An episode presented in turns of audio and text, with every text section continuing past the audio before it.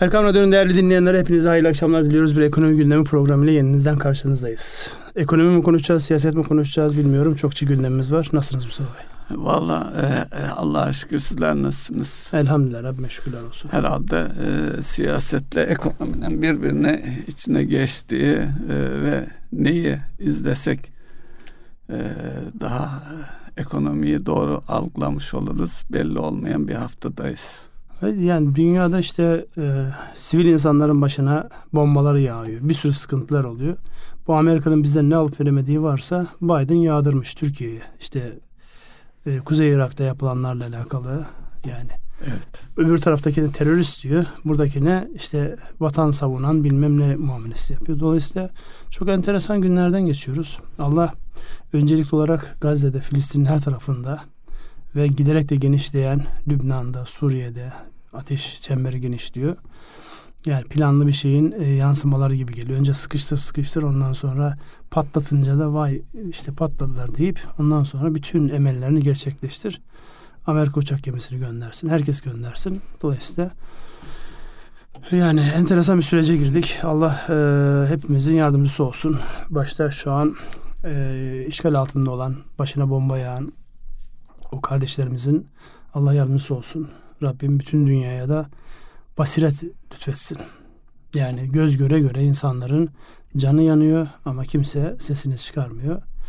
Ufak ufak böyle bir tepkiler oluşur gibi ama arkası gelmiyor. Yani iste, herkes istediğini yapmaya devam ediyor. Dolayısıyla sıkıntılı bir e, süreç. Bu dönemde herkes şunu soruyor. Bu nasıl etkiler ekonomiyi? Şu an çok fazla etkilemiyor. Çünkü hakim güç anlamında orası olduğu için petrol fiyatlarına bakıyorsunuz aşağı yukarı aynı seviyelerde duruyor. İşte böyle zamanlarda en fazla hareket eden altın fiyatlarına bakıyorsunuz. Çok önemli değişiklik yok. Hafiften yukarı doğru bir kıpırdama olmakla beraber. Ama sanki hiçbir şey olmamış gibi insanlar izlemeye devam ediyorlar. Böyle bir ortamda olan canı yanan oluyor. Geri kalan da sadece uzaktan seyrediyor. Ama bizim bölgemiz ısınıyor. Çok net. Evet. Ee, enerji fiyatlarında bir kıpırdama bekleniyor. Doğalgaz da başladı. Eğer bu şey yayılacak olursa, genişleyecek olursa özellikle e, bu Gazze'deki yaşanan hadiselerin İran'la bir bağlantısını kurmaya çalışıyorlar. Eğer orada başarılı olur ve İran'a yönelik bir müdahale e, adı bile gündeme gelse e, büyük üreticilerden bir tanesi İran. Yine sadece İran İran olarak görmemek lazım. Basra Körfezi'ndeki e, petrol trafiğini de etkileyecek bir e, husus. Dolayısıyla bıçak sırtında e, diyebiliriz özellikle enerji fiyatlarıyla ilgili e, bir şey söyleyecek olursak. Evet yani orada e, şu var doğalgaz özellikle İsrail'in çıkarıp dünyaya satmaya başladığı alandaki üretimi durdurmuşlar. Onun da doğalgaz fiyatlarına bir etkisi var. Fakat bu çok önemli bir etki olduğunu ben düşünmüyorum. Çünkü İsrail gazının dünyadaki payı ne? Hatta geçenlerde biliyorsunuz sonra o haber yalanlandı. Katar gaz satışını durdurdum diye bir haber yaptı. Evet. Bir iki yüzde bir ikilik bir payı hemen doldurur birisi ve Katar piyasada payını kaybeder. Amerika dolduruyor zaten. İsrail'in payı ne diyecekseniz İsrail'in hiçbir payı yok. Dolayısıyla onun e, yani doldurma ihtimali çok kolay. Ya bu sadece algıyı yönetiyor. Asıl buradaki tabii hedeflenen e, özellikle kendilerinin dışında güç oluşturabilecek işte başta İran olmak üzere zaten Körfez bölgesinin son derece kontrollerine götürüyorlar. Orada herhangi bir aksi bir şey yok. Son dönemde biraz böyle Çin, Hindistan yakınlaşmasında Suudi Arabistan sanki farklı bir ekolde bir şeyler yapmaya çalışıyor gibi ama e, maalesef onun da e, çok etkisini görecek gibi durmuyoruz. Gaz deyince Doğu Akdeniz gazıyla ilgili olarak Gazze şeridi 40 kilometre e, civarında sanıyorum bir şerit. Doğal olarak Doğu Akdeniz gazın, gazında onların da pay sahibi olması söz konusu. Dolayısıyla bu son operasyonla eğer o haktan mahrum tamamen e, ortadan kaldırılırsa e, yani e, ciddi bir yani bakıldığı zaman e, Filistinliler için çok ciddi bir gelir kaynağından da tabi bu gelir, gelir kaynağı, kaynağı gelecek de mahrum olacaklar. Hayır yani. gelir kaynağı önce var var olsunlar sonra gelir evet, kaynağı olsun. Yani, Şu an konuşulan ne? İsrail'le işte, hesapta bu da vardır diye düşünüyorum İsrail'in bu son operasyon hayır, hesabında. Gelir kaynağından mahrum bırakmak değil. Oradaki insanları komple Mısır'a, Ürdün'e, Türkiye'ye artık nereye gidecekse sürmek, temizlemek orayı. Dolayısıyla Yani o hayal ettikleri tertemiz işte problem çıkarmayan e, ya da sesini çıkarmayan kuzu kuzu şey ne yaparsa Yahudi yerleşimciler ne yaparsa hiçbir tepki vermeyen bir topluluğu oluşturmaya gayret içerisinde. Dolayısıyla yani e, feci ısındı burası. Evet. Burası feci ısındı ve tepkiler de özellikle mesela bu konuda itidal tavsiye eden Türkiye'nin damarına Amerika basıyor. İsrail'den evet. ziyade Amerika basıyor. Niye? Yani orada e, işlenen cinayet çok ee, net bir şekilde ama dönüyorsun sen dönüyorsun sen burada e, şeyden bahsediyorsun. İşte Türkiye güya IŞİD'le mücadele ediyormuş. Hangi IŞİD'den bahsediyorsun? IŞİD'i de sen icat ettin. Ötekisini de sen icat ettin. Ve IŞİD'e en büyük zarar veren de Türkiye. 3000 civarında militanını operasyonla yok eden Türkiye yani. Dolayısıyla burada yani enteresan bir süreçteyiz. Yani bunun öyle ya da böyle e, yani olaya itidal tavsiye eden Türkiye'ye bir şekilde dokundurulmaya çalışıldı. Gün gibi ortada. Bunun etkisi olur mu? E tabii ki etkisi olur. Çünkü birazdan da şunu konuşacağız. Şu an e, her sene yapılan IMF toplantıları için Mehmet Şimşek ve e, Türkiye'nin işte paradan, ekonomiden sorumlu ekibi e, şu an Amerika'da. Orada yapılan görüşmelerin haber yansıması var. Dolayısıyla onlara baktığımızda o haber yansımalarının karşılığı olarak e, hiçbir sıkıntı yaşamadan e, anlatamıyorsunuz kendinizi.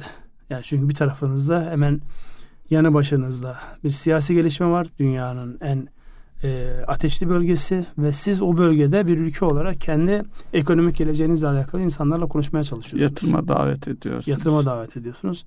Dolayısıyla hani bu ya, ne yaman çelişki diye baktığımızda evet hayat devam ediyor bir taraftan da. Yani şunu bir daha görüyoruz ki yani eğer dünyada söz sahibi olmak istiyorsanız her yönden güçlü olmak zorundasınız. Hiç öyle şeye gerek yok böyle romantik takılmaya gerek yok. Yani dostlarımız, işte ittifaklarımız, birliklerimiz falan demeye gerek yok.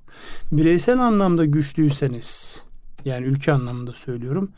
Dostunuz da oluyor, ittifakınız da oluyor. E, beraber hareket edeceğiniz ama orada zayıfsanız herkes üzerinize tepiniyor. Herkesin operasyon sahası haline geliyorsunuz.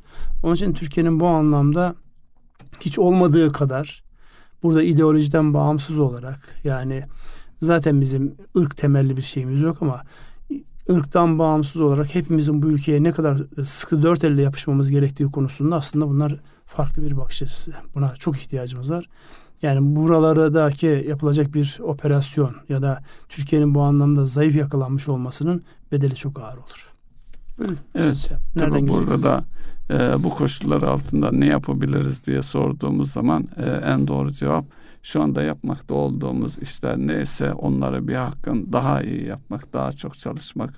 Onun dışında da aklıma gelen bir şey yok. Siz ne dersiniz? Ya şimdi burada e, en çok konuştuğumuz konu ne? İşte kaynağı erişim olmadığı için yatırımlar olmuyor. Yatırım olmadığı için işte istihdamla alakalı sıkıntılar olacak şeklinde. Fakat öbür taraftan da hafta içerisinde yani e, banka üst düzey yöneticileriyle e, bir toplantıda karşılaştığımızda söyledikleri şu oldu. Gerçek anlamda bir yatırım e, kredi talebi yok. İki gerekçe yok. Maliyetler çok yüksek olduğu için yok. İkincisi de insanların şu an yatırım iştahı henüz yok. Dolayısıyla yani hani e, yana yakla kaynak arayan kimse yok ortada aslında.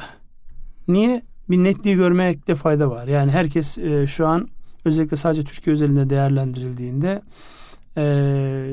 Mart ayında yapılacak olan yerel e, seçimlerin e, sonrasında uygulanacak ekonomik politikaların ne olacağı konusunda insanların kafasının netleşmeye ihtiyacı var. Ona çalışıyor insanlar. Dolayısıyla kaynaklar kısa vadeli, bir yıl vadeli, maksimum 18 aya kadar çıkıyor bankalar. Dolayısıyla o e, vadeyle hiçbir yatırım olmaz. Onun için e, farklı bir yaklaşımla insanlar yaklaşmak zorunda. Dediğim gibi yani şöyle bir şey yok. Bankaların önünde insanlar sıraya girmiş kredi talep ediyor konumunda değil. Edenler var günlük ihtiyaçları için edenler var. İşte hazır kurulu bir düzeni var. Onun işletme sermayesi ihtiyacını çünkü enflasyonla beraber şu bir realite bütün işletmeler işletme sermayesi açığı artıyor giderek. Yani aldığı malın tabii ki işliyor üzerine karını koyuyor, satıyor ama tekrar onu üretebilmek için daha fazla sermaye ihtiyacı var. Sermaye iki türlü olur. Bir dışarıdan alacağınız e, maliyetli sermaye, kaynak bir de içeriden kendi öz kaynağınız. Kendi öz kaynağınız eğer artıracak durumda değilseniz mecburen gidiyorsunuz bankalara ya da diğer finans kuruluşlarına. Dolayısıyla orada insanların bir tercih yapmak durumu var. Maliyetler arttığı için orada insanlar basıyorlar. Küçülüyorlar mı? Hayır küçülen ben bir firmaya rastlamadım. Ama daha e, ölçülü yaklaşıyor insanlar kendi işlerine. Bu anlamda bir şey görüyoruz. İhtiyatlılığı görüyoruz. Yani e, eskiden böyle böyle zamanlarda çok sayıda aman bize para bulun şeklinde geliyordu. İnsanlar onu söylemiyorlar. Yani verimliliği arttırmak için mesela bizim son dönemde en fazla talep aldığımız konuların başında siz de malumunuz beraber çalıştığımız için finansal gözden geçirmeyi istiyorlar insanlar. Yani benim bilançom, benim finansal yapım ne yapmamı sağlar? Bu konuda bir dış göz olarak bize bir destek verin şeklinde insanlar e, talepte bulunuyorlar. Bu iyi bir gelişme. Yani daha önceden olmayan siz bize kaynak tedarik edin ya da bir şekilde kaynağı nereden bulacağımızı söyleyin. Biz gereğini yaparızdan şu an ben doğru yolda mıyım? Bir bak yani bir anlamda hastanın e, gidip yani hastanın değil her insanın sağlıklı insanların check-up yaptırması check. Dolayısıyla buraya gelinmiş olması bilinç açısından fevkalade önemli. Yani bu anlamda e, işletmelerin kendilerine bu şekilde bakıyor olmaları ben çok değerli buluyorum. Ama e, bu konu şu anda bakıldığı zaman enflasyon sürecindeyiz. Firmaların hepsi karlı, karlılıkları üst seviyede ama bu karlılık gerçek bir karlılık mı? Çünkü enflasyonun e, doğurduğu çünkü işletme sermayesi artıyor. E, karlılık üst seviyede, karlılığın istediğin seviyede olduğu bir zamanda işletme sermayesi ihtiyacının artması e, dönüp e, şeylere bir bakmak lazım hesaplara. Çünkü e, özellikle e, stoklar, diğer şeyler enflasyondan arındırıldığı zaman yani bir enflasyon muhasebesiyle ilgili de bir e, şey gündemde belki uzatılma ihtimali de var. Yıl sonuna çok az bir zamanımız kaldı. iki buçuk aylık bir zaman. Ama her halükarda firmalar gerçek karlarını görebilmesi için bu bahsettiğiniz finansal check-up dediğimiz e, enflasyondan arındırıldığı zaman gerçekte ne kadar kar etmişler, finansal yapıları iyileşme yönünde mi yoksa e, bu yüksek karlılığın e, ortaya koyduğu bir yanılgıya mı düşüyorlar onu anlamaları şart değilse bunun bedelini ağır bir biçimde ödeme riski var. Şimdi orada e, tabii temel yanılgılardan bir tanesi enflasyon muhasebesi olsa herkes ona göre kendini arındıracak. Yani maliyetleri, karlılığı, ödenecek vergileri, Bunların hepsi enflasyon muhasebesi uygulanır olsa farklı bir raporlama tekniğiyle insanların görebilme şansı var. Şimdi başta devlet olmak üzere enflasyon muhasebesinin uygulanması noktasında bir e, irade olmadığı için dolayısıyla bu şu an görünen kısmi sanal olan yani karlılığın kısmi sanal gerçek durumu görebilmek için işletmelerin bu anlamda sanki enflasyon muhasebesi varmış gibi karlılıklarını bu anlamda gözden geçirmeleri e, varlıklarını bu anlamda gözden geçirmeleri, bütün finansal tablolarını enflasyonu dikkate alarak yeniden gözden geçirmeleri gerçekten artıdalar mı, eksideler mi, yerlerinde mi sayıyorları anlamak açısından böyle bir dönemdeyiz. Dolayısıyla bunu gördükten sonra yatırım yapmaya, işi genişletmeye, bir tevizi yatırımıysa, genişleme yatırımıysa onu yapmaya ya da bazen e, yerinde kalmaya ihtiyaç var. Eğer sizin e, bugün mesela finans modeliniz, satış modeliniz size daha fazla kaynağa ihtiyaç duyuruyorsa bunu gözden geçirmeniz gereken bir dönemdesiniz. Yani bunu mesela en güzel örneklerinden bir tanesi firma ismi söylemeden şöyle diyelim. Daha önceden çok geniş bayi ağıyla çalışan, bayiler üzerinden mal satan, onu satabilmek için de çok ciddi kredi yükü kullanan e, birkaç tane büyük firmanın dış kaynak kullanan evet dış kaynağı hem bankalardan hem e, değişik kanallardan kullanan bir firmanın e, 2001 krizinde çok ciddi sıkışmasından dolayı radikal bir karar aldı. Bütün bayilerini iptal ederek kendi bünyesine döndürdü. Hiçbir bayiyle çalışmadı. Hatta bayiden malları aynı vade, uzun vadeyle çekler vererek geri topladı. Kendi mağazalarını kurdu. Kendi mağazalarıyla genişledi. Ve şu anda Türkiye'nin ve dünyanın sayılı e, perakendecilerinden bir tanesi konumunda. Dolayısıyla belli dönemlerde radikal karar almak gerekiyor. Çünkü aynı şekilde devam ettiğinizde yani görüyorsunuz mevcut uygulamanız mevcut şartlarda kan kaybına sebep oluyor. O kan kaybını giderebilmek için sizin bir tedbir alıyor olmanız icap eder. Bu da her zaman böyle yumuşak geçişlerle olmaz. Bir şok e, e, tedbirle önce bir kendinizi nerede olduğunuzu net tespit edip ondan sonra yeni çizilen stratejiyle ancak mümkün olabilir. Belki böyle bir dönem yaşıyor firmalar. Burada genellemelerden hep kaçındık. Genellemelerin doğru olmadığını hep söylüyoruz herkesi özelde değerlendirmek icap eder. Dolayısıyla herkes kendi sağlık durumunu e, özelde bir gözden geçirsin finansal anlamda. Buyurunuz. Evet. E, tabii bu e, şeye değinmek lazım. E, Marrakeş'teki toplantılara orada e, Mehmet Şimşek orada bir takım açıklamalar var. E, Merkez Bankası Başkanı orada. Hatta Merkez Bankası Başkanımızla e, Fed'in Başkanı Powell'ın e, görüşmeleri var. 40 dakikalık bir görüşme. Mutlaka e, önemli şeyleri görüşmüş olmalılar diye düşünüyorum. O toplantıları siz geçmiş tecrübelerinizden de istifadeyle yorumlayabilir misiniz? Neler konuşulur orada? Özellikle yıllık toplantılar olduğu için gelecek bir yılda e, dünyayı nelerin beklediği özellikle büyük finans kuruluşlarının başkanlarının orada olduğu bir yerde bu insanlar geleceğe nasıl bakıyorlar nasıl yani oradaki konuşmalardan mesajlardan hangi ipuçlarını yakalayabiliriz? Şimdi o IMF toplantıları açıkçası finans sektörünün yani e, birbiriyle ilişki geliştirmesi, birbirini tanıması ve farklı konuları gündem yapabilmeleri için yani muhteşem bir organizasyon. İki yıl Amerika'da oluyor, bir sene Amerika dışında bir ülkede oluyor. Yanlış hatırlamıyorsam 2008 yılında, 2009 yılında pardon, Türkiye'de olmuştu. Çünkü son katıldığım toplantı Türkiye'deydi.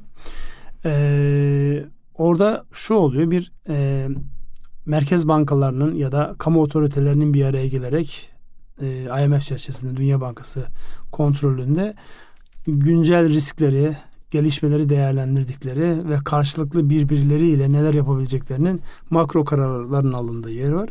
Bir de finansal kuruluşların kendi aralarında yaptıkları var. Mesela biz özel sektörden e, gittiğimiz için bizim açımızdan en önemli şey dünyanın çok değişik yerlerindeki bankalarla yani ticaretin finansman açısından e, nasıl bağlantılar kurabiliriz? Yani Latin Amerika ülkelerinde hiç adını sanını duymadığınız bir ülkenin temsilci, temsilcisi bir banka var orada. Siz onunla tanışıyorsunuz, kendinizi tanıtıyorsunuz. Dolayısıyla yarın öbür gün Türkiye'den herhangi bir firma o ülkede ile bir ticaret yapmaya kalktığında sizin o tanışıklıktan ve bağ kurmuş olmaktan dolayı o ticareti destekleme şansınız oluyor. Onun için orası yani dünya finans e, sisteminin bir anlamda birbirini tanıma, birbiriyle etkileşim içerisinde olma, karar vericilerin de herkese o kararları bir anlamda böyle hani dayatma demeyeyim de empoze etme zamanı olduğu için çok değerli o toplantılar. E şu anda mesela okuduğumuz haberlere göre Türkiye bu anlamda e, oldukça yoğun ilgi gören ülkelerden bir tanesi. İki gerekçeyle bir e, uzun zamandan beri bu seviyede ve Türkiye'nin e, özellikle dışarıdan e, etkileme anlamında epeyden beri yapmadığımız bir şey yapıyoruz. E, Mehmet Şimşek'in yani dünya bankalarıyla bu anlamda iletişim kurabilecek geçmiş ilişkileri, Merkez Bankası Başkanı'nın hakeza o ilişkileri var. Dolayısıyla bunlar e, ilgiyi arttırıyor.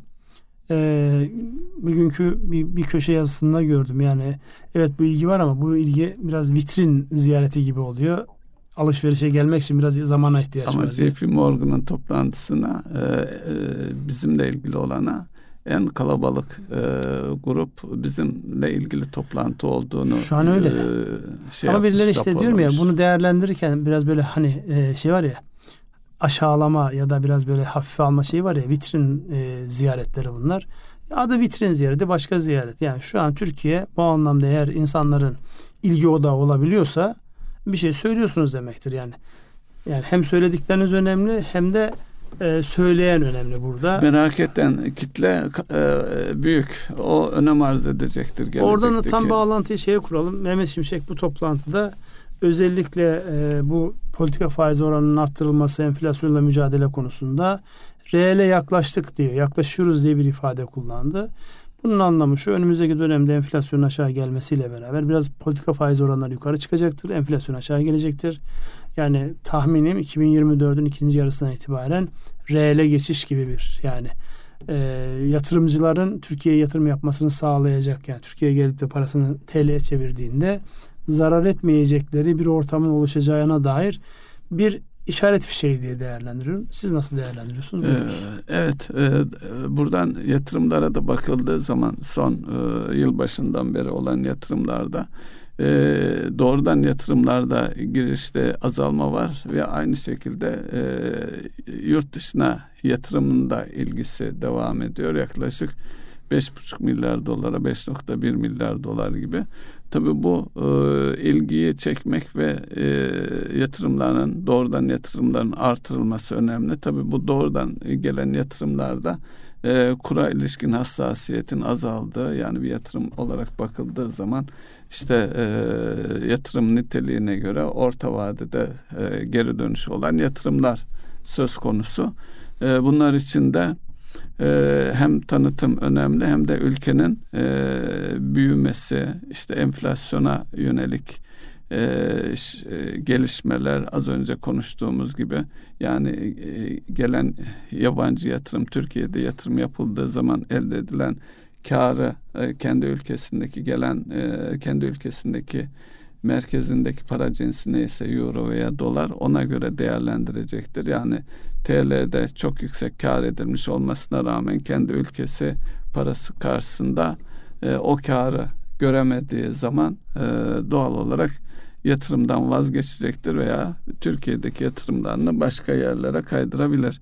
Ki gelen yatırımlarda genelde küresel ölçekteki firmaların çok değişik ülkelerde yatırımlar söz konusu oluyor.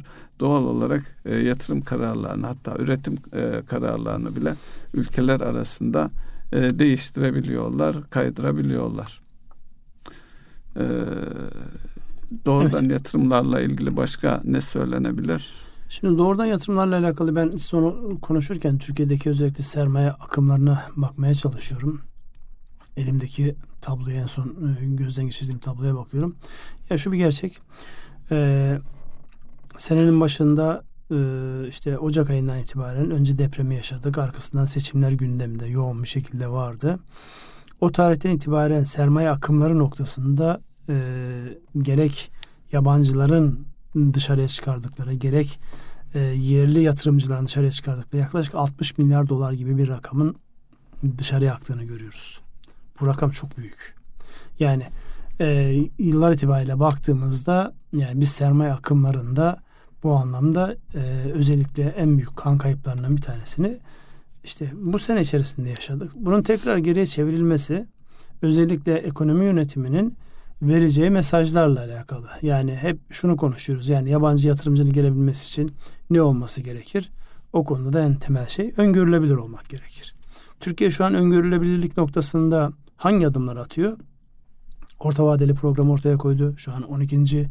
kalkınma planı çalışılıyor. Ve şu ana kadar e, en çok söylenen şey şu.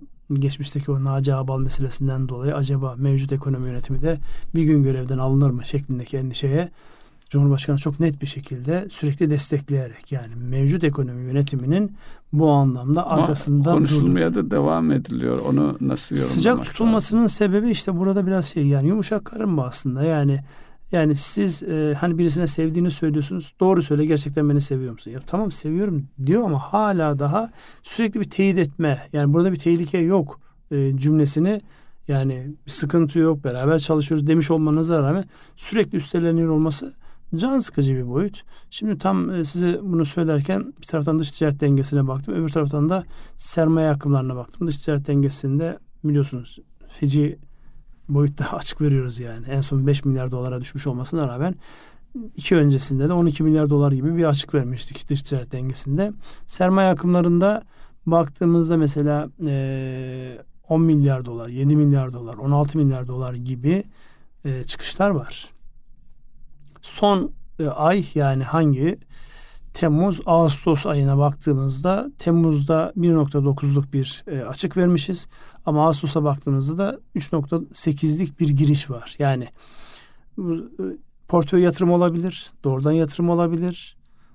Daha önceden dışarı çıkmış olan paraların geri gelmiş ol, olması olabilir ama Ağustos ayında yaklaşık 4 milyar de dolar çıkmış değil. olabilir. Kasalardakiler de geri çıkmış olabilir. Yani bu tabii sermaye akımı olarak yurt dışı yurt dışı bağlantılı olarak değerlendirilmiş. Kasalardan çıkan mevduata gelir, başka yere gelir ama buraya baktığımızda sermaye e, akımı noktasında Türkiye en azından Ağustos ayında 4 milyar dolar gibi bir artı ile gelmiş.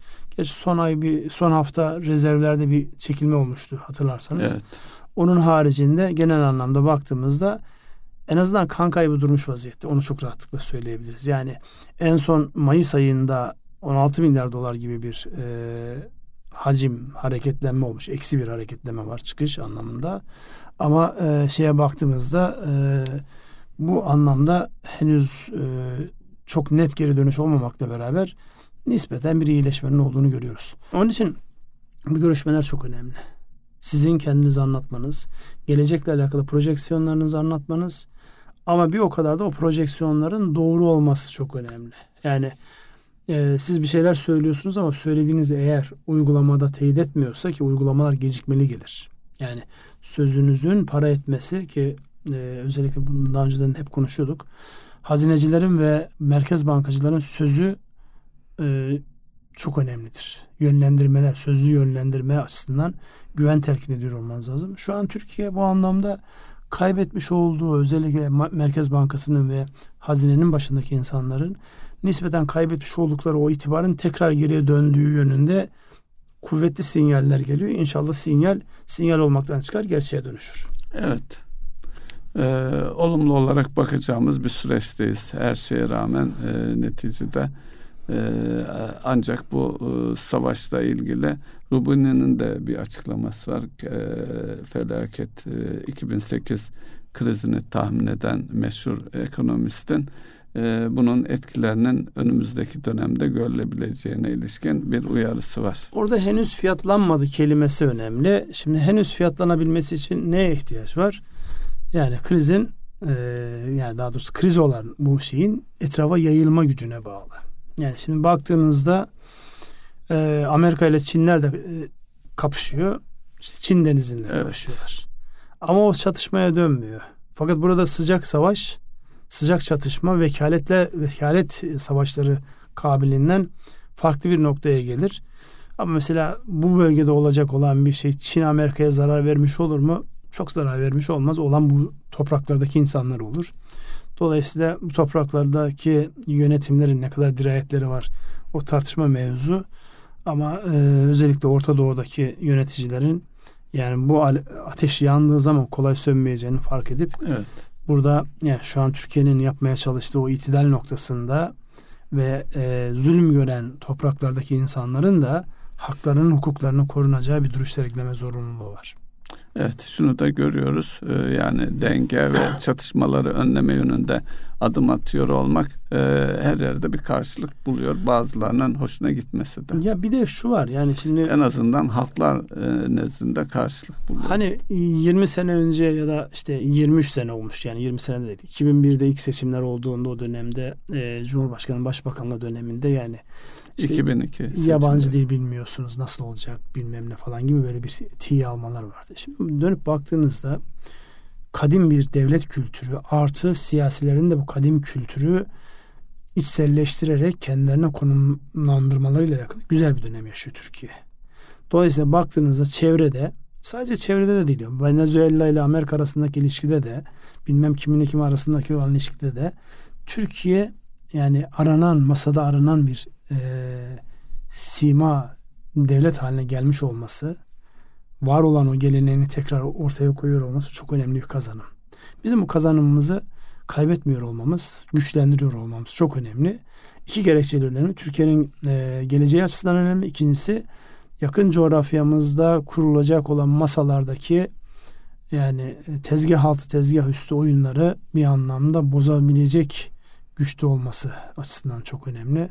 Dolayısıyla bu önemli başlık. Bu gücümüzü bizim muhafaza ediyor olmamız icap eder. Ki son dönemde eğer Dışişleri Bakanlığı'nın yapmış olduğu görüşmeler izliyorsanız yani inanılmaz yoğun bir trafik var burada. Evet. Ee, yine Mehmet Şimşek'ten hareket edeceksek kayıt dışı ekonomiyle ilgili e, e-vergi dairesi gibi bir e, şey vardı. Sanıyorum kayıt dışı e, tabi uygulamalar nasıl olacak, nasıl bir yazılım var ortada.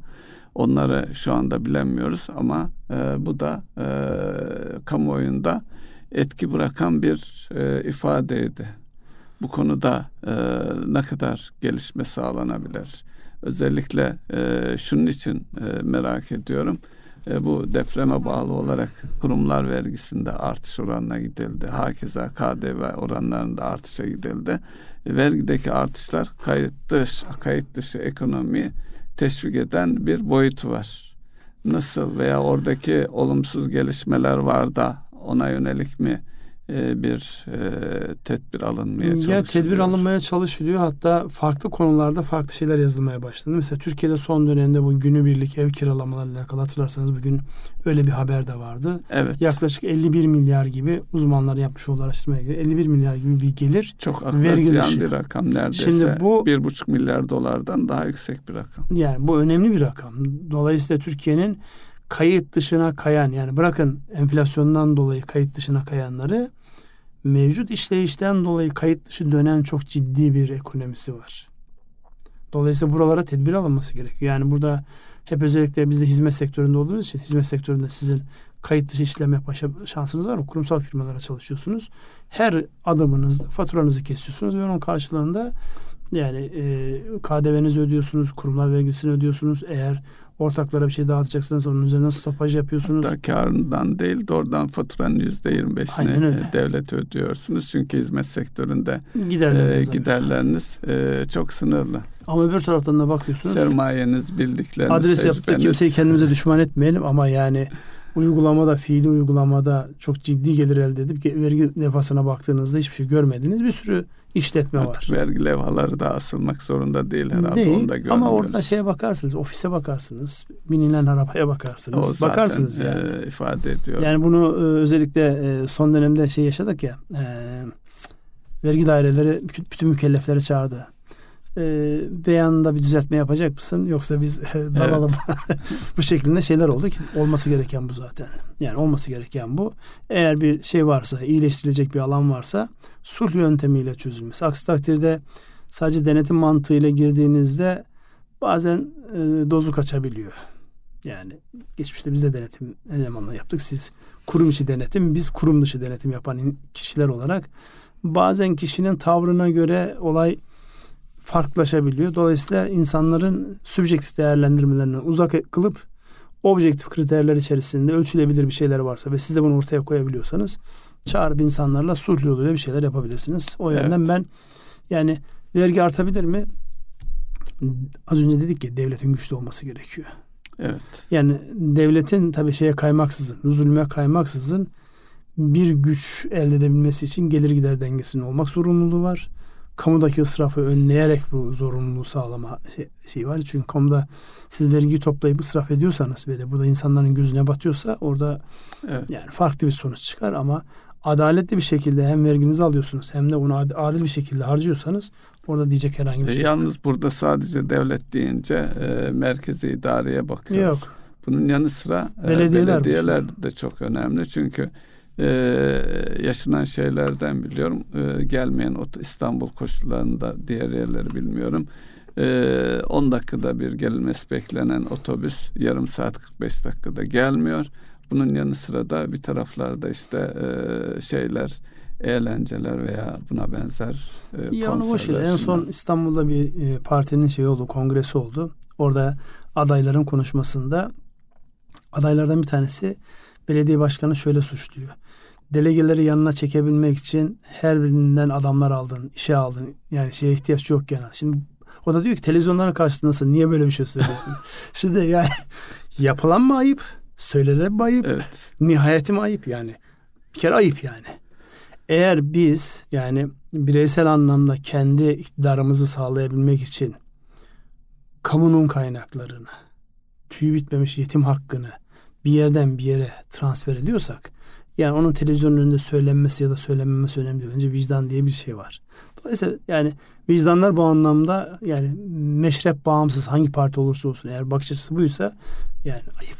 Yalnız Sadece burada e, benim altını çizmek istediğim e, partiler üstü olarak e, birlikte hareket edebilme asgari e, müşterekte bile olsa birlikte hareket edebilme e, ihtiyacının olduğunu çok yoğun. Bir, evet. Bu dönem öyle bir dönem. Yani onun için lazım. çok da bu, tip ideolojik şeylere takılmamak Takılmadı. lazım ama diyorum parti bağımsız olarak yani hepimizin kendimizi gözden geçirmesi gereken bir dönemdeyiz. Yani bir de şu var bazen böyle olaya metafizik boyutuyla manevi büyüklerin söylediği şey var. Yani bu kadar varlık içerisinde insanlar bu kadar mutsuzsa oturup bir değerlendirmekte fayda var. Neyi yanlış yapıyoruz diye değerlendirmekte fayda var. E yanlışımız çok bireysel anlamda. Herkes kendi hanesine baksın. Siz de ben de kendi hanemize bakalım. Ne yanlışlar yapıyoruz görürüz. Orada bir şeye ihtiyacımız var. Yani bir arınmaya da ihtiyacımız var bu anlamda. e, cümle toplum olarak. E, şimdi konu başlıklarını de, değindiğimizde e, şöyle bakıyorum e, mesela e, meclisten de geçti emeklilere 5 bin lira e, bir e, aktarımın yapılması. Bir evet, emekli olarak mutlu oldunuz iki mu? emekli olarak. ben kendim emekli saymıyorum bu anlamda. Ben de saymadığım için çok şey yapmadım tamam, yani. yani. Ne oldu? Şimdi bu bir maliyet getirecek, bir yük getirecek. Ama insanların da beklentisi vardı bu anlamda. Var. Bir beklenti karşılanmış oldu. Ee, e, toplam asıl, rakam derde derman olacak bir rakam olarak algılanmama riskine karşı Cumhurbaşkanımız toplam rakamı ifade etti. 5 bin liralık bir e, tek seferlik bir ödemenin ne kadar bir e, bütçe Mesele bu değil bence. Vurguladı. Tamam hayırlı uğurlu olsun. Yani, Ama yıl başına e, evet, erteledi asıl, işte. Asıl evet, yıl başında evet. asgari ücret mevzu. Evet. Şimdi bir taraftan emeklileri de o zaman erteledi tabii, onu da. Bir taraftan e, Hazine Maliye Bakanı'nın sözü geçmiş enflasyona değil gelecek beklenti enflasyonuna göre yapılmalı diye bir uyarısı var. Evet. E, kendi içerisinde tutarlı. Niye tutarlı? Yani baktığımızda enflasyon dediğiniz şey artık olmuş bitmiş bir şey. Şimdi bunu telafi etmeye kalktığınızda bu işin sonu yok. Enflasyonu kırmak istiyorsanız beklentinize göre şekillenmesi ya da ortada bir yerde buluşulması gerekir ki o hız kırılabilsin. Aksi takdirde siz şimdi geçmiş enflasyonu yüzde 65 diyelim sene sonu 65'i yaptığınızda 30 hayaliniz hayal olur. Evet. 30 hedefiniz hayal olur. Dolayısıyla bunun ortalarında bir yerde e, şey o, geliyor. Yani anlaşılması gereken bir şey var. E, bunu da artık nasıl çözecekler bilmiyorum. Evet gelir e, üretimin artırılması ve dış yatırımların artırılması Türkiye'ye kaynak girişinin sağlanması. Evet. E, asıl e, şey so, e, konu bu. E, bunun için de e, istihdam e, söz istihdamla ilgili bilgi verelim isterseniz. İşsizlik rakamları açıklandı. Ona ilişkin bir yorumunuz olur mu? Ünsal ya oradaki e, temel şey şu an oranı yatırım söyleyeyim. Geçen ay 9,4 iken 9,2'ye geriledi işsizlik oranımız. İstihdamda 48.4 ee, seviyelerinde bir önceki aya göre sabit. Tabi bu söylediğim e, istatistik Ağustos ayına aitti. Şimdi burada e, işsizlikle alakalı mevzu baktığımızda yani sene başından beri aşağı doğru gelen bir mevzu. Bir taraftan şöyle bir şey var. İçişleri Bakanlığı'nın yürüttüğü özellikle bu yabancıların yani izinsiz gelenlerin gönderilmesiyle alakalı şey var. Orada 125 bin gibi bir rakam söylendi. Ee, yani diğerine baktığında hala iş yerlerinde çok yoğun bir şekilde. Buna ihtiyacımız var? Buna ihtiyacımız olduğu kanaatindeyim. Ama bilinçli olarak yapılması gereken bir şey. Öbür taraftan da iş arayan özellikle genç işsizlik noktasında malumunuz Türkiye e, Avrupa'nın sayılı ülkelerinden bir tanesi konumunda. Yani genç işsizlikte İspanya kadar Yunanistan kadar çok böyle e, işsizliğimiz yukarı olmasa dahi burada ciddi bir e, işsizlik var. Onu hemen bir nokta olarak bakayım. En sonki yayınlanan şeyde 17.2'ye kadar gerilemiş. Daha önceden 21.1'leri görmüşüz. Dolayısıyla e, gençlerin iş beğenmemekten dolayı işsiz kaldıkları da vaki. İş olmadığı için işsiz kaldıkları da vaki. Özellikle üniversite mezunu olan e, gençlerimizin bu anlamda bir karamsarlığı da var. Yani malumunuz üniversite öğrencileriyle farklı konularda dersler yapıyoruz. Yani gele, yani şu an içinde bulunduğunuz en yoğun hissettiğiniz duygu hangisi? Geleceğin belirsiz olmasından dolayı gelecek kaygısı taşıyorum diyenlerin sayısı çok üst seviyede. Dolayısıyla e, bunu da dikkate alarak bizim istihdam sağlayacak bir ortama girmemiz lazım. Ama az önce söylemiş olduğumuz konulardan dolayı o çok mümkün değil. Sadece şurada şöyle bir avantaj var. Onu söylemekte sakınca yok. Baktığımızda mesela bütün işletmelerde özellikle teknoloji, dijitalleşme bununla alakalı yetişmiş elemana ihtiyaç var. Yani üniversiteyi hangi bölümü bitirirse bitirsin e, gençlerimizin çünkü hayat her tarafında sosyal bilimde okusanız hayat her tarafında teknoloji kullanacaksınız. Şu dönemde teknoloji kullanabilme bu yazılım tarafı da olabilir, donanım tarafı da olabilir, güvenlik tarafı da olabilir. Bununla alakalı becerilerini arttırmalarına acil ihtiyaç var. Çünkü her işletmenin buralarda boşluğu var. Her işletme burayla alakalı bir anlamda yalvarıyor yani nitelikli eleman. Dolayısıyla yani hangi bölümü bitirirlerse bitirsinler teknolojiye bir anlamda dokunmaları yani burada bazı işler var ki 3 aylık 6 aylık kurslarla bir kıvam oluşabiliyor. Asıl bu işler yaptıkça gelişen başlıklar ve teknolojide kullanmak şu an onların daha böyle mahir, oldukları alanlar. Dolayısıyla oraya e, yönelmelerinde önemli bir başlık var. Ama e, dediğimiz gibi genç işsizlik oranımız hala yüksek 17.2'ler. E, bu hafta Bilişim Vadisi'nde bir etkinliğe katıldım. E, Gebze'de e, Osman Gazi Köprüsü'nün hemen yanında e, Bilişim Vadisi. Orada e, özellikle yazılımcı yetiştirmek üzere e, küresel ölçekte e, bir yapının bir e, şey, şubesi haline getirmişler. Bir 500 civarında e, son model Mac bilgisayarlar 7-24 verilen bir eğitim ama eğitim e, uluslararası bir eğitim e, sınava giriliyor. Sınavda sadece mantık sorusu soruluyor.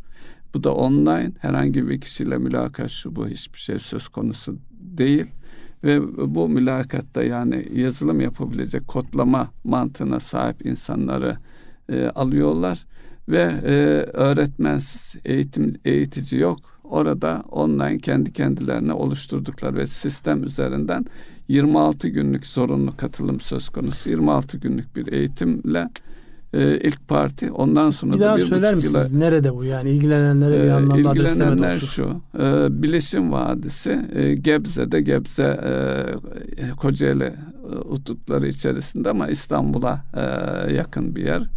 Dolayısıyla e, merkeze gitmek gerekiyor. 7-24 yani gece de gidip çalışabilirsiniz orada. Dolayısıyla 2-3 evet. e, yıl olmuş ilk mezunlarını vermiş ler orada o mezunlardan bir genç de e, oradaydı ve asgari eğitim şartı diye bir şey söz konusu değil. Sadece o e, mantık testini geçmek ve 18 yaşını bitiriyor olmak. Yani İster yat, yatkın olmak. Ha, o yeteneğe sahip olmak yani kodlama yapabilecek mantığı kurabiliyor musun ona bakıyorlar. Bu da online mülakat yani torpil şu bu falan söz konusu değil. Yetenek varsa yetkinlik kazandırılıyor evet, diyorsun. Aynen. Sadece 18 yaşını bitir ve bu e, testi geç şeklinde. İşte burada e, yani işletme sahiplerinin de buna ihtiyacı var. Özellikle kendi yani ikinci jenerasyonları en çok bizim e, uğraştığımız konulardan bir tanesi de o. Yani eski ekonomiye ait işlere yeni jenerasyon çok merak sarmıyor. Çünkü dijitalleşme, oradaki yeni iş, işte e-ticaret yapabilme, biraz da böyle o babaların, annelerin o baskısının dışına çıkarak kendi işlerinin sahibi olma noktasındaki istekleri. Burada bir e, zihinsel anlamda hem eski ekonominin devam etmesi hem de eski ekonomiye yeni e, aşıların yapılabilmesi açısından da buna ihtiyaç var. Dolayısıyla yani ister e, çalışan e, konumunda olsun ister işveren konumunda olsun insanların yeni jenerasyonu bu şekilde hazırlamasında fayda var diye o notu da sizin yapmış olduğunuz yönlendirmelerin arkasına ilave etmiş olayım. Şimdi e, geldik. E, bu haftanın en fazla konuşulan mevzularından bir tanesi. E, İstanbul Menkul Kıymetler Borsası tavan tavan tavan giderken ya da belli bir ivme kazanmış giderken en son işte 8400'ü de aşmış yukarı doğru giderken birden bu İsrail Filistin e, savaşı mı, işgali mi, İsrail savaş ilan ettiğine mü? göre İsrail tarafından savaş ama çirkin bir savaş. Tamam da karşısında ne var? Ordu mu var? Ee, hayır. Ne, dolayısıyla yani, halk var karşısında. Savaş diyebilmesi için yani eşitlerin arasında bir şeyin oluyor olması lazım. Eşit değil yani. Ortada devlet de yok yani. Ee, işte, devlet öbür tarafta evet. kendinin devlet olduğunu iddia eden. Dolayısıyla bunun yansıması olarak e, bunu e, İstanbul e, borsası BIST e, olumsuz olarak algıladı. Hele dün Suriye e, sivil hava limanlarının bombalanmasıyla alakalı haberler geldikten sonra bir anlamda e, satış hızlandı. Yoğun bir e, satış yedi piyasa. Toparladı tekrar satış yedi. Bugün de devam etti. Dolayısıyla buraya baktığımızda yani hani çevreden etkileniyor mu? Para e, dünyanın en ürkek nesnesi ve onun da en ürkek olduğu yerlerden bir tanesi borsa. Dolayısıyla e, dün ve bugün baktığımızda özellikle önemli hisselerde yabancı e, menşeili e, firmaların satışlarını çok net bir şekilde gördük. Yani özellikle dün çok net bir şekilde işte Bank of America'nın çok net satışları vardı. Bütün şeylerde, büyük hisselerde. Dolayısıyla Bank of America bu anlamda artık kimin hissesi içerideki yerli oyuncular mı yapıyor, dışarıdaki başkaları mı yapıyor, kim yapıyor? Ee, tek avantaj aşağı satışın olmaması sebebiyle dolayısıyla burada aşağı satış olsa yani borsa bu anlamda ciddi e, dip yapacak boyutta. Bir sıkıntılı birkaç gün geçecek. Dolayısıyla haftalarca, aylarca oluşturulan e, karların hele biraz da böyle marjlı girilmişse yani e, kaldıraçlı işlem yapılmışsa Bu arada e, şeylerden e, borsada kredili işlemler bir risk midir? Çünkü kredili işlemlerde 30-35 milyar seviyelerine ulaşmış ve buradaki e, faizlerde yüzde seksen, yüzde yüz gibi faizler söz konusu. Elbette risk ee, zaten bu kadar sert aracı düşmesi. kurumların gelirlerinin komisyon gelirinden daha fazla faiz geliri elde eder hale gelmişler. Yani bu, bu bir, bir risk mi? Ee, ne olur bu para çıkar mı? Bu bir risktir. Bu para çıkmaz. Bu para zaten içeride ama şöyle olur. Gün içerisinde sizin kredili olarak almış olduğunuz malların eğer aşağı doğru geleceğini düşünüyorsa ve sizin de elinizdeki öz kaynağınız bunun içerisinde yetersiz olursa aracı kurum hiç gözünüzün yaşına bakmadan hisseleri satıp sizin ra, e, zararınızı realize ediyor. Dolayısıyla bu da düşüşü hızlandıran bir mekanizma. Onun için bu dönem kredili işlem yapılma dönemi değil. Gün içerisinde kaldıraçlı işlem yapılma dönemi değil. Yani yapıyorsanız, yapıyorsak bedeli ağır oluyor. Hem de çok sert bir şekilde. Yani öz kaynağınızsa yüzde iki gittiğinde yüzde iki kaybediyorsunuz. Ama siz öz kaynağınızın üç katı kadar da eğer buradan e, işlem yaptıysanız öz kaynağınızdan yani yüzde iki zarar yerine siz yüzde sekiz yüzde on zarar yazma ihtimaliniz var. Teminat tamamlama e, baskısı o teminat tamamlama ne anlama geliyor? Teminat tamamlama şöyle eğer kredi işlem yapıyorsanız diyelim sizin e, 100 bin liranız var. E, 300 bin lirada kredi kullanarak işlem yapıyorsunuz. 300 bin liralık 400 bin liralık işlem yaptınız. Borsa ters gitti. Sizin zararınız yüzde iki olması gereken yüzde sekiz. Yani 100 bin liranızdan 8-10 bin lira gitti. Bir tane daha bir tane daha öz kaynağınız eksiye dönüyor. Belli bir rakamın altına düşme ihtimali var. Diyor ki tamamla öz kaynağını tamamla yoksa sana işlem yaptırmayacağım diyor. Bu anlamda hem şeyde var bu. E, vadeli işlemlerde bu var. Hem e, normal kredili işlemlerde var. Dolayısıyla bu dönem kredi işlemlerin olabileceği dönem değil. Çok net bir şekilde onu söylemekte fayda var. Yani bu ne olur sorusu e, endeks mühendisleri hisseyi şeyi tutuyor, endeksi tutuyor. Yani dikkat edin. Mesela her gün endeksi tutan birkaç tane hisse de herhangi bir geri çekilme olmuyor. Onlar yukarıda kaldığı sürece yoksa genel anlamda baktığınızda oradaki endeks mühendisliği olmazsa e, siz daha büyük zarar yazma ihtimaliniz kuvvetle muhtemeldir. Evet. Konularımız vaktimiz. Şimdi konularımız vakit bir dakikamız daha var. Bu bir dakika içerisinde söylemediğimiz konu başlığı olarak aktaracağımız ne var? Ee, şimdi hangi konu önemlidir e, bilemiyorum ama e, uzatmayalım mı diyorsunuz? Evet. Ya burada e, özellikle yani tekrar altını çizelim. Bu söylenen şeyler riskler henüz daha fiyatlanmadı başlığı. Rubin'in yapmış olduğu bu açıklama önemli bir başlık. Bu yatırımcıların yani borsa yatırımcısının, döviz altın yatırımcısının dikkatli olması gereken bir dönemdeyiz. Burada herhangi bir yönem yani sat ya da tut yönünde bir yönlendirmemiz yok ama dikkatli olunması gereken ve pozisyonu e, riski arttıracak şekilde adımlar atmadan yönetmemizin icap ettiği bir dönemdeyiz diyorum. Erkam Radyo'nun değerli dinleyenleri e, bir ekonomi gündemi programının daha sonuna geldik. Dilimizin döndüğünce Özellikle uluslararası gelişmelerin yani yakın coğrafyamızdaki gelişmelerin ekonomiye yansımalarına değinmeye çalıştık. Diğer ana konularla beraber hayırlı akşamlar diliyoruz hepinize. Hayırlı akşamlar.